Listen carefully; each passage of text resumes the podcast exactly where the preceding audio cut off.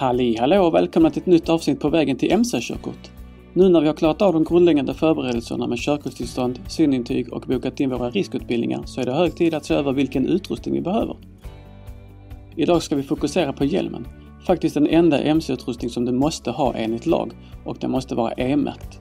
Tidigare kunde MC-hjälmar också vara SIS-märkta, men sedan 2017 så är dessa hjälmar alltså ej längre godkända för användning på motorcykeln. Observera att även om det är lagligt att köra utan annan utrustning förutom hjälm så rekommenderar jag alltid full mondering. och vad det innebär kommer vi gå igenom under de tre kommande delarna. Det finns fyra olika typer av hjälmar. Integralhjälmen som är den vanligaste omsluter hela huvudet inklusive hakan. Det finns öppna hjälmar, även kända som jethjälmar, med eller utan visir. Sen har vi systemhjälm eller öppningsbar hjälm som den även kallas. Den liknar till utseendet en integralhjälm men med den stora skillnaden att man kan fälla upp hela hakpartiet. Denna typ av hjälm brukar bland annat motorcykelpoliser använda sig av, men lämpar sig lika väl för oss civila som vill underlätta korvätandet på macken.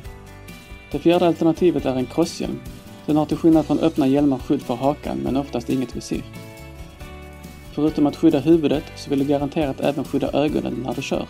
Så om du skulle välja en öppen hjälm utan visir eller crosshjälm bör du samtidigt se över vilken typ av skydd du vill ha för ögonen. Det finns speciella skyddsglasögon ämnade för mc-körning och så finns det såklart crossglasögon. Vilken hjälmtyp som är rätt för just dig är svårt för mig att säga. En integralhjälm funkar till allt, men kanske vill du uppleva alla naturens intryck maximalt när du är ute och kör.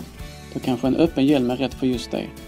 Om du kör mycket i stadstrafik och inte kommer upp i så höga hastigheter kanske det är skönt med en systemhjälm som du kan öppna upp för att få frisk luft vid behov.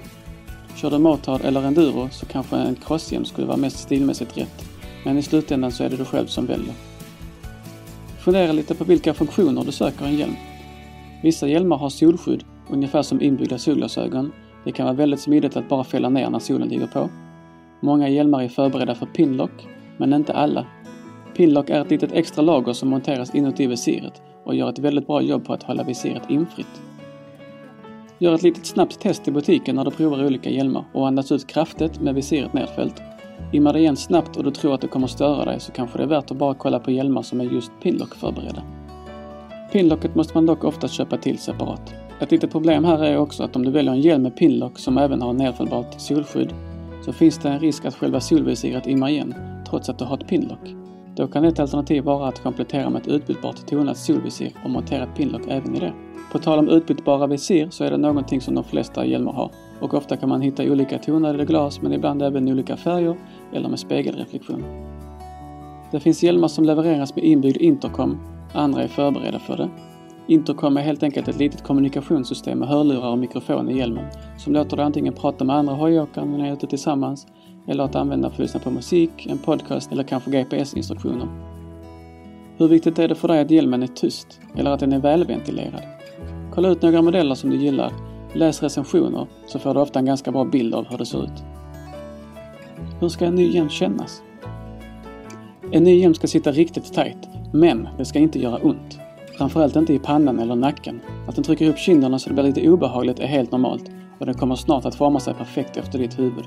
Detta är också anledningen till att jag inte rekommenderar någon att köpa en begagnad hjälm, eftersom en begagnad hjälm är formad efter någon annans huvud.